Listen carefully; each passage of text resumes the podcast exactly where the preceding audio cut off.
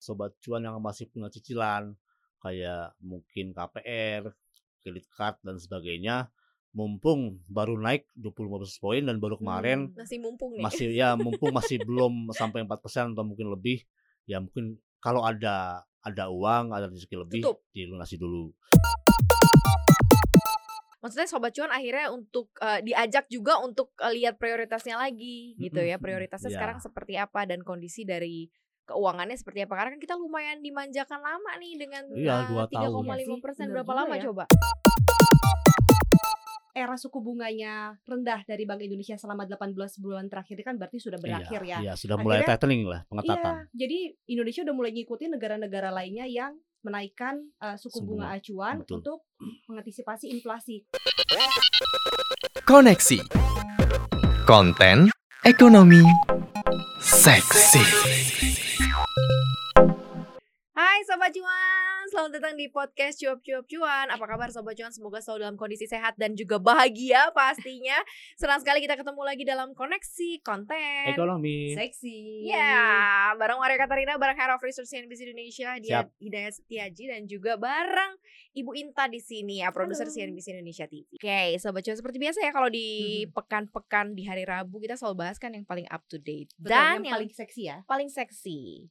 Eh, BI rate naik seksi nggak? Itu bukan cuma seksi, tapi men- mengejutkan nanti. ya. Iya, surprise mengejutkan ya. surprise. Jadi kalau Surprise. misalnya di Yes. artikel CNBC Indonesia tuh tulisannya kejutan, tanda seru gitu. Karena nggak nggak menduga di Agustus ini ya akan Iya. dinaikkan kan. Tadinya masih stance mungkin bahkan masih akan- malah eh, peluang untuk naik lebih besar dari eh, bulan lalu ya bulan lalu itu Hmm. kalau kita punya konsensus CNBC Indonesia itu dari 14 itu terbagi rata 7 naik 7 stay Hmm. Oh, nah, dari sekarang, ah, 14 lembaga yang iya disurvei betul ya. sekarang itu eh 10 10 hold eh, cuman dua yang eh, a- apa yang raise yang naik Mhm. jadi selebihnya hold. selebihnya hold jadi emang kejutan ya karena eh, bahkan malah eh, ke yang pro yang kedua iya itu betul yang naik. kemungkinannya lebih besar bulan lalu sebenarnya naik dari beberapa ini cuman ah. ternyata kejadiannya ya bulan ini yang naik Kalau kita Hmm. lihat dari kita mencoba menggunakan kacamata Bank Indonesia begitu Iya, ya. iya. Ini memang sudah memang sangat dibutuhkan berarti ya tingkat urgensinya tinggi sehingga mungkin kalau para ekonom analis mengatakan belum waktunya naik,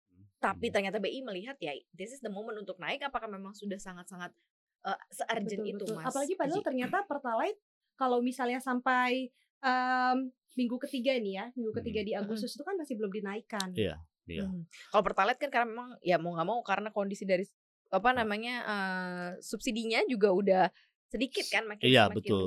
Tapi kan gimana pun ini masih tahun politik ya. Bener, Hmm. ini kan ah, ya itu ya apa namanya populis ya, Iya. keputusan betul, yang cukup populis kalau seandainya menaikkan harga pertalite. Tapi kita nanti lihat akan ke seperti apa uh, side impact ya. Tapi apakah memang nilai dari kenaikan BI 7 days reverse repo rate 25 bips ya, Iya. ini sudah uh, tepat dan memang nilai urgensinya tinggi sehingga dinaikkan. Iya, eh, kalau kemarin eh, kalau eh, Pak Pedi kan bilang bahwa ini adalah langkah preemptif dan forward looking gitu loh. Hmm. Jadi mungkin BI juga sudah apa ya, sudah eh, memberikan kode keras bahwa mungkin eh, kenaikan harga BBM itu sudah tidak bisa dihindari lagi. Mhm. Sudah tinggal eh, menghitung hari, menunggu waktu, udah nggak bisa lagi untuk ditunda-tunda atau dihindari lagi udah nggak bisa. Jadi eh, BI sudah eh, meningkatkan atau menaikkan ekspektasi inflasi mereka untuk 2022 dan sekarang eh, bolanya ada di pemerintah nih. Eh, Oke. eh, istilahnya nih eh, BI bilang eh, nih gue udah eh, expect inflasi bakal naik, gue udah naikin bunga, gue udah respon, Mhm. monggo, lu gimana? Udah digelar karpet ya Ah, sama BI, iya. tinggal sekarang dari kebijakan fiskal pemerintahnya Iya, seperti apa? Karena Iya. moneternya udah sudah antisipasi, Mhm. sudah siap-siap. Betul. Mhm. Mhm. Oke, kalau Berarti dari kan Bunda sendiri, kalau misalnya kayak gini kan artinya era suku bunganya rendah dari Bank Indonesia selama 18 bulan terakhir ini kan berarti sudah berakhir iya, ya. iya, sudah mulai Akhirnya- tightening lah Iya, pengetatan. jadi Indonesia udah mulai ngikutin negara-negara lainnya yang menaikkan uh, suku bunga bunga, acuan betul. untuk mengantisipasi inflasi. Kalau di kita masih mengantisipasi kali ya, karena kan sebenarnya inflasi intinya masih, Masih terjaga. terjaga. Iya, masih inilah eh, masih expected lah, belum belum finalized dulu, belum realisasi, masih diduga. Kalau Hmm. misalnya menurutnya dari uh, Mas Aji sendiri, artinya inflasi inti yang terjaga itu koridornya seperti apa sih? Kalau kita lihat kan sebenarnya Iya. harga-harga barang udah mulai ada naik ya. Kalau Iya. sekarang menjadi keluhan itu telur misalnya. pangan lah rata-rata naik Betul, sih. Ya. betul. Sebenarnya terjaga itu apa sih maksudnya sih? Eh, yang terjaga itu yang jelas eh, berada dalam eh, range atau kisaran target BI ya kan eh, 3 plus minus 1 berarti 2 sampai 4 persen Hmm. Inflasi umum IHK sudah eh, lebih dari 4% eh, sampai eh, Juli kemarin. Inflasi inti memang belum sampai 4%, Mhm. tapi BI memperkirakan bahwa akhir tahun itu akan lebih eh, tinggi dari 4%, 4,15 kan kemarin kan kalau Pak Pak Peri bilang. Jadi eh, memang eh, inflasi memang sudah sudah lebih tinggi gitu loh Indonesia.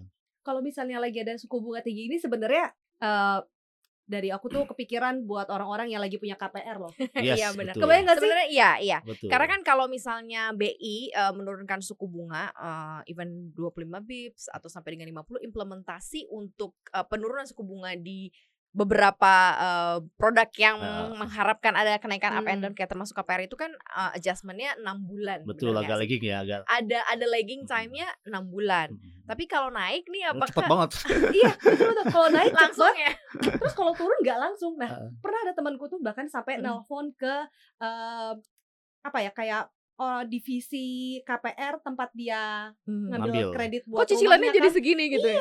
karena kan floating ya. Mm-mm. Terus Iya. naiknya itu bikin eh, bunga KPR dia sampai dua digit. Terus dia mbak Hmm, bilang, iya. Mas, saya nih tahu ya, Masnya tuh ngikutin berita. Kalau sekarang itu suku bunga acuan dari Bank Indonesia tuh diturunin. Kenapa Kenapa KPR ini nggak saya turun Iya, gitu ya? turun gitu, malah tetap tinggi. Mbak, pokoknya berkelitnya lama gitu. Iya, iya. Berarti iya. ini eh, termasuk eh, apa ya? ber- ya berarti harus berhati-hati ya untuk yang lagi KPR karena Iya, kalau betul. floating eh, bunganya floating ya berarti otomatis akan mengikuti suku bunga acuan. Betul, karena uh, saat suku bunga acuan naik, uh, tentunya cost of fund uh, di pasar uh, uang antar bank akan naik sehingga kemudian uh, bank juga harus mencari cara untuk menutup uh, kenaikan cost of fund itu sehingga bunga pinjaman juga harus naik ya termasuk KPR dan kawan-kawannya. Tapi di sisi lain sebenarnya kan monetary policy yang diharapkan untuk menaikkan suku bunga ini kan sebenarnya harapan banyak pelaku pasar ya. Mm-mm. Di sisi lain nggak sih Mas Aji katanya kita untuk eh, supaya kompetitif, Iya, supaya iya, betul, kemudian Indonesia betul, dilirik juga. Betul, Jadi sebenarnya kayak buah si malakama gitu betul, ya betul, Buta betul. ya. Tapi di satu sisi kita Bener. berharap sebenarnya kita punya rapot dan uh, daya tarik yang menarik tapi Hmm. untuk uh, domestik berat sebenarnya Iya, iya. kalau dilihat sebenarnya waktu kemarin kan kita ngikutin ini juga ya, waktu pengumuman BI-nya. Terus setelah diumumin kita juga cek kan biasanya dampaknya ke Market, IHSG eh. sama ke Mhm. rupiah. Mm-mm. Hijau loh, Iya. bagus-bagus Iya. aja. Iya. fine fine aja Iya, gitu kan bahkan IHSG kayak eh, ke psikologis 7.200 lagi di tanggal 22 ini walaupun naik turun Iya. ya. Mhm. Memang ada uh, dua sisi uh, dua sisi dari kenaikan suku bunga ya.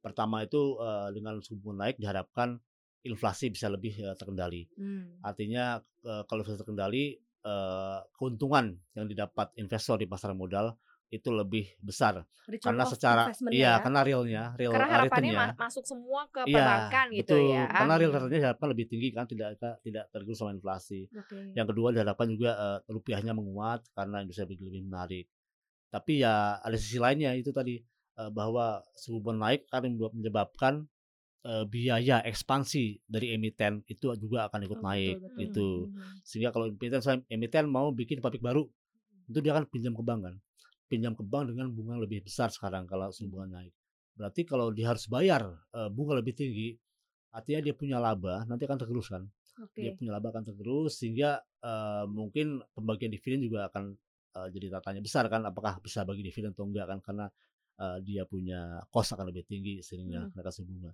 Nah jadi ada dua sisi mata uang sih dan eh, dalam hal eh, apa kenaikan suku bunga ini yang harus di, diwaspadai. jadi musuh besar kita memang sekarang nih ah, lagi di inflasi ya Iya, jadi artinya BI sekarang tuh sudah eh, fokus ke pengendalian inflasi. Kan juga uh, Baikman juga bilang bahwa saat ini eh, domestic demand Hmm. permintaan domestik sudah kuat. Pertumbuhan ekonomi sudah 5 ke ah, sudah 5 persen ah, untuk tiga kuartal beruntun. Bahkan pada Q2 kemarin itu rumah tangga konsumsi household consumption sudah tumbuh eh, 5 persen. Artinya sudah kembali ke pola historis sebelum eh, COVID ya, Pandemi. sebelum pandemi ya. Eh, mungkin BI menilai bahwa ini sudah saatnya uh, suku bunganya naik Hmm. karena kita punya ekonomi sudah kuat, sudah mampu lah untuk menghadapi eh, kenaikan suku bunga. Hmm, oke Tapi sebenarnya memang inflasi ini bukan cuma masalahnya Indonesia, tapi hampir Betul, banyak Semua. negara betul, betul, kena imbas betul. dari uh, krisis pangan, krisis Energi. energi, kenaikan harga di pangan dan energi itu pada imbasnya. Tapi masih ada loh negara-negara nih, uh, Mas Aji, yang Iya. mempertahankan suku bunga rendah. Iya betul. Cina. Tapi kalau yang dilakukan oleh negara-negara yang Hmm. sebelumnya sudah menaikkan suku bunga cukup berdampak nggak terlebih dahulu nih untuk mereka eh, tahan inflasinya? Sebelum kita Hmm. melihat negara yang memang Oh, betul, masih betul. pada Iya. stand position oke tetap di Efektif apa ya? Eh, seefektif apa Eee, misalnya coba kita lihat di US ya. US kan sudah naikin suku bunga 225 BPS kan Iya. secara elektor ini kan. Eee, terlihat bahwa, eee, inflasinya agak melandai tuh. Eee, dari 9,1% ke Hmm. 8,6%. Ya mulai, eee, Hmm. me agak masih tinggi sih, masih masih tinggi, tinggi tapi tapi agak kenaikan dari Fed Fund Rate agak melandai. banyak banget Iya, karena kemudian saat suku bunga naik, eee, ekonomi, eee, roda ekonomi akan agak melambat, eee, permintaan juga akan lebih terbatas sehingga kemudian, eee, inflasi juga akan lebih terkendali kan. Oke. Ya lumayan sih udah ada dampaknya cuman, eee, mas mungkin be masih butuh waktu ya untuk, eee, menurunkan inflasi lebih lebih dalam lagi gitu loh. Mhm, itu masih jadi polemik gitu karena banyak banget, eee, tulisan-tulisan yang mengatakan seefektif apa gitu ya Iya suku iya. bunga yang dinaikkan dengan inflasi yang Hmm. dijaga gitu Iya karena iya. result-nya mungkin eee, entah mungkin case-nya berbeda di Amerika Serikat, ada hal-hal atau faktor lain Iya karena. US itu kan, eee, kemarin kan 2 tahun, eee, dikunci ya, 2 tahun dikunci, orang jadi banyak nabung karena nggak konsam nggak konsumsi, kemudian begitu dilepas, eee, apa segala macam batasannya, social distancing-nya, itu semua orang belanja, demand-nya kuat banget, sehingga walaupun suku bunga naik itu, eee, permintaan tetap tinggi dan itu, eee, bikin inflasinya sampai 9,1 dan, eee, pada Juli baru turun ke 8,6 gitu. Hmm. Oke, berarti kalau ada negara-negara nih misalnya Mhm. yang, eee, belum berpikir untuk Iya, menaikkan suku iya bunga, iya. Jepang, Mhm. Cina, Mhm. betul. Turki, Mhm. itu kalau misalnya menurut, eee, Mas Aji sebenarnya apa sih, eee, favorable untuk tetap menahan Iya. suku bunga rendah di masa seperti ini? Iya, kalau, eee, kita lihat kasus Jepang ya. Jepang itu kan, eee, sudah lama terjebak dalam, eee, deflasi ya, eee, apa, eee, perangkap deflasi atau Dia malah inflasi pernah rendah. inflasi ya. Betul, dia tuh sejak tahun 90-an tuh kan, eee, the lost decade ya. Apa kita Eee pindah ke Jepang? Oh, enggak enggak enggak enggak, enggak. Karena tahun ke 80-an kan booming, 90-an itu bubble-nya meletus, sampai sekarang tuh Jepang, eee, stagnasi lah ekonominya.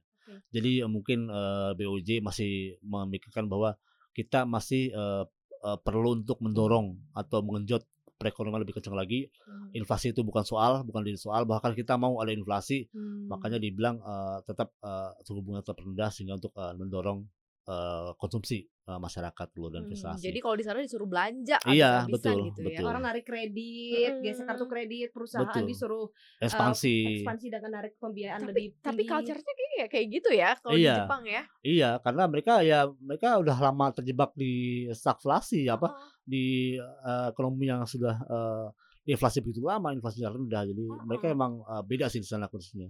Nah, kalau di Turki itu, eee, mungkin presidennya juga, eee, sering mengatakan bahwa suku bunga tinggi itu adalah, eee, the mother of all evil gitu loh, biangnya setan. Hmm. Dan itu Eee keinginannya Mati eh, loh. Iya, keinginannya betul. Erdogan terus Erdogan kan? Erdogan Iya, mau iya. bahwa suku bunga tuh harus rendah, tidak boleh tinggi. Mhm. Karena suku bunga tinggi adalah biangnya setan. Nah, maka dia, eee, tetap, eee, mempertaha tetap, eee, kekeh bahwa masyarakat Turki, eee, harus, eee, terus, eee, menurunkan suku bunga gitu loh.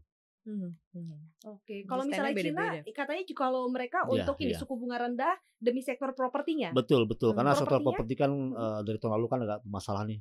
Me mereka sudah, eee, kena, eee, hit begitu besar ya karena, perusahaan-perusahaan besar kayak Evergrande dan sebagainya itu tiba-tiba, eee, kekurangan cash dan proyek-proyeknya banyak yang, eee, terbengkalai dan segala macam. Oke. Eee, jadi properti itu kan, eee, sektor yang, eee, apa, trickle down effect-nya kan tinggi ya. Mhm. Ada baja, ada apa, eee, material, pasir, semen dan sebagainya, bahkan sampai ke furnitur gitu loh. Jadi, Cina ini mungkin berpikir bahwa, eee, untuk mendorong sektor properti yang kemudian juga bisa berimbas ke sektor-sektor lain, eee, makanya suku bunga harus kita kita, eee, turunkan gitu. Eee, kondisinya agak berbeda sih masing-masing negara ya. Tapi pada intinya adalah, eee, banyak, eee, mungkin sebagian besar negara, menghadapi tantangan yang sama yaitu inflasi. Dan itulah mungkin yang dilihat oleh BI dulu. Eee, untuk saat ini, eee, tantangan terbesar Indonesia adalah, eee, inflasi. Oke, nah sekarang nih udah 25 basis point ya, 25 Iya. pips. Berarti apa yang harus dimulai diperhatikan nih kalau kita bicara, eee, hal sederhana deh yang mungkin sobat cuan harus pahami nih dengan pem Iya. eee, dengan kenaikan suku bunga ini. Iya. Karena ruang kenaikan suku bunga Bank Indonesia katanya Masih bisa sampai terbuka. masih terbuka, Masih masih terbuka. malah bisa sampai 50 pips, eee, berarti bisa 4% di akhir tahun 2022 Bisa jadi, ini ya bahkan mungkin Adi lebih. ya. Bahkan bisa lebih. Aduh, yang punya cicilan rumah harus lebih ketat nih. Iya. pengelolaan uangnya. Bener langsung Iya, pusing. iya, nah ini apa yang harus mungkin mulai, eee, mulai hati-hati kah mungkin dalam mengambil keputusan-keputusan Iya, tertentu yang betul. terkait mengenai kebijakan ini? Iya, jadi, eee, mungkin kalau, eee, sobat cuan yang masih punya cicilan, kayak mungkin KPR, kredit card dan sebagainya, mumpung baru naik 25 basis point dan baru kemarin Hmm. Masih mumpung nih. masih ya mumpung masih belum sampai 4% atau mungkin lebih, ya mungkin kalau ada ada uang, ada rezeki lebih, Tutup. dilunasi dulu. Gitu. Gue kayak gue fakir cicilan juga. Iya, makanya. Yang penting cicilan yang bagus kan, bukan yang pinjol Cicilan kan. pro- oh iya, Kalau benar, itu kalau- benar, ke suku bunga Ah, BI Iya, kan. ah. cicilan produktif lah. Suku bunga betul. sendiri dia bayar. Nah, dia hitungannya agak bunga. agak ajaib. Iya. Segera ditutup gitu Kalau ya. bisa iya. Kemudian juga eh, mungkin kalau teman-teman eh, ada waktu luang gitu se di luar dari pekerjaan yang rutin, mungkin ada baiknya mulai eh, mengambil side job, misalnya untuk pendapatan Oke. tambahan. Gitu. Tapi ya eh, kalau ada waktu luang jangan sampai juga kemudian mengganggu Mengganggu utama ya. jobnya ya. mengganggu eh, psikologis dan kemudian kita perlu healing segala macam jangan ya Mhm. jangan sampai Mhm. yang inilah jangan sampai yang terlalu berat juga tapi Yang penting kantong itu sumbernya banyak ya, kalau- yang cuma mm, mengandalkan mm, satu. betul betul Jadi emang betul. yang berbahaya banget kalau misalnya mengambil keputusan ataupun mungkin yang baru mau mengambil keputusan untuk kredit gitu Mas mungkin bisa dipikirin lagi kali ya. Eh, kalau memang mendesak ya kayak kayak rumah dan sebagainya itu ya apa boleh buat kan mau nggak mau harus dilakukan. Cuman kalau ya nggak penting itu saya mau mau kredit handphone atau mau kredit apa gitu ya mungkin dipertimbangkan dulu aja. Mhm. Mungkin hati-hati juga untuk beberapa penggunaan eh, untuk yang konsumtif-konsumtif kali Iya, ya Bunta ya. iya, iya. Kalau ngomongin soal investasi udah bisa belum di kita? Jadi Boleh, kalau bisa. misalnya sebagai orang yang punya uang ketika inflasinya tinggi di masa sekarang, Mm-mm. tentunya kan kita berusaha cari tempat-tempat yang bisa Aset kasih kelas lain ya. return of investment Yes, tinggi betul. karena harus mengalahkan tuh yang namanya Betul. inflasi Hmm, tinggi. Betul. kan katanya eh, Mas Haji sendiri inflasinya nanti bisa di atas 4% atau di Hmm. atas eh, prediksi dari BI itu Betul. kan. Apa opportunity-nya justru lebih gede ke investasi gitu ya ketimbang untuk betul, melakukan kredit atau betul. Tapi spending. jenis investasinya apa Mm-mm. nih yang menarik? Eh, yang jelas investasi yang menawarkan eh, yield yang tinggi. Eh, yield yang tinggi itu misalnya Hmm. seperti ya paling gampang adalah deposito. Saat inve, eh, saat suku bunga naik, bunga deposito akan naik. Itu udah udah alam. hukum alamnya begitulah. Oke. Eh, deposito itu yang paling gampang tuh deposito itu eh, bisa dijadikan eh, ini ya, dijadikan pilihan ya. Kemudian saham, tapi itu juga saham juga harus pilih-pilih. Eh, sek- coba cari sektor yang mungkin eh, diuntungkan oleh eh, kenaikan suku bunga. Misalnya perbankan. Perbankan itu kan eh, kalau suku bunga naik, eh, dia punya NIM juga akan naik, sehingga dia punya laba akan naik, sehingga dia diharapkan kemudian eh, harga sahamnya juga akan naik. Eh, kemudian eh, mungkin kita berhati- berhati-hati atau waspada sama sektor misalnya eh, consumer goods karena saat suku bunga naik, inflasi tinggi, eh, konsumsi masyarakat akan sedikit eh, mereda atau berkurang. Eh, kemudian eh, produk-produk consumer good ini bisa mungkin penjualannya agak agak melambat sehingga Mhm. mempengaruhi laba dari emitennya. Dua. Kalau Hmm. Misalnya Kalau emas itu juga kita harus hati-hati dia. karena eh, emas itu walaupun dia adalah investasi yang sifatnya eh, safe haven ya, Safe haven. Hmm. dia melindungi atau menghedge dari inflasi, tapi dia tidak memberikan imbal hasil, dia tidak memberikan yield, eh, dia tidak memberikan keuntungan saat suku bunga naik dulu. Eh, mungkin emas bisa dipilih untuk eh, apa ya, cari aman lah, Hmm. cari aman untuk jaga-jaga. Cuman kalau untuk berharap dia akan cuan, pada saat iklim suku bunga tinggi itu kan susah. Mungkin buat yang sesuatu mudah dicairkan kalau emas ya. Iya, buat jaga-jaga lah, misalnya uh, auzubillah menjalik bisa. amit-amit ada yang sakit atau atau Iya, apa iya, kita iya, bisa iya, carikan iya. emasnya tapi kalau untuk mencari cuan dari emas kayaknya agak sulit pada saat uh, iklim suku bunganya sedang tinggi Oke, baik. Oke. Menarik, Ini kayak menarik banget ya Maksud ya? sobat cuan akhirnya untuk eh, diajak juga untuk eh, lihat prioritasnya lagi gitu ya. Prioritasnya iya. sekarang seperti apa dan kondisi dari keuangannya seperti apa. Karena kan kita lumayan dimanjakan lama nih dengan Iya, tahun. 3,5 Iya sih, persen berapa lama ya. coba? 18 bulan. 18 bulan, which is itu kayak satu setengah tahun gak sih? Apalagi Iya. pas masa pandemi eh, ini ya apa kayak banyak insentif-insentif betul. mobil-mobil ada yang 0%. 0%. kemudian Kayaknya apa namanya banyak tuh yang bunga kredit card ya. diturunkan kan dari 10% jadi Iya, 5% beli gitu. rumah juga waktu itu loh. Jadi ada Iya, ada pajak-pajak yang dikurangin, betul. jadinya biayanya lebih murah, Betul. puluhan juta malah. Betul, betul, dari biasanya. nah Tapi sekarang the winter is coming. ya mungkin akan Hmm. ada pengetatan Iya, betul. pengetatan untuk pengeluaran pribadi gitu kali ya. iya sama iya mana-mana Ke mana-mana ya.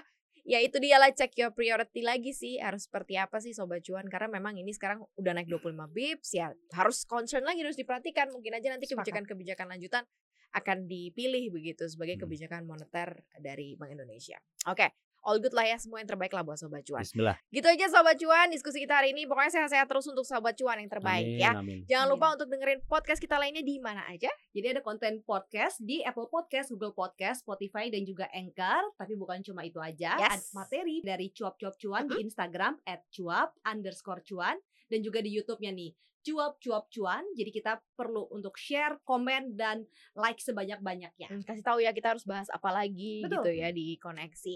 Dan juga kalau mau nonton kita kita juga tayang ya di CNBC Indonesia TV. Terima kasih ya sobat cuan udah dengerin koneksi hari ini. Maria pamit. Aji pamit. Dan Inta juga pamit. Bye sobat cuan. Dadah. Bye bye.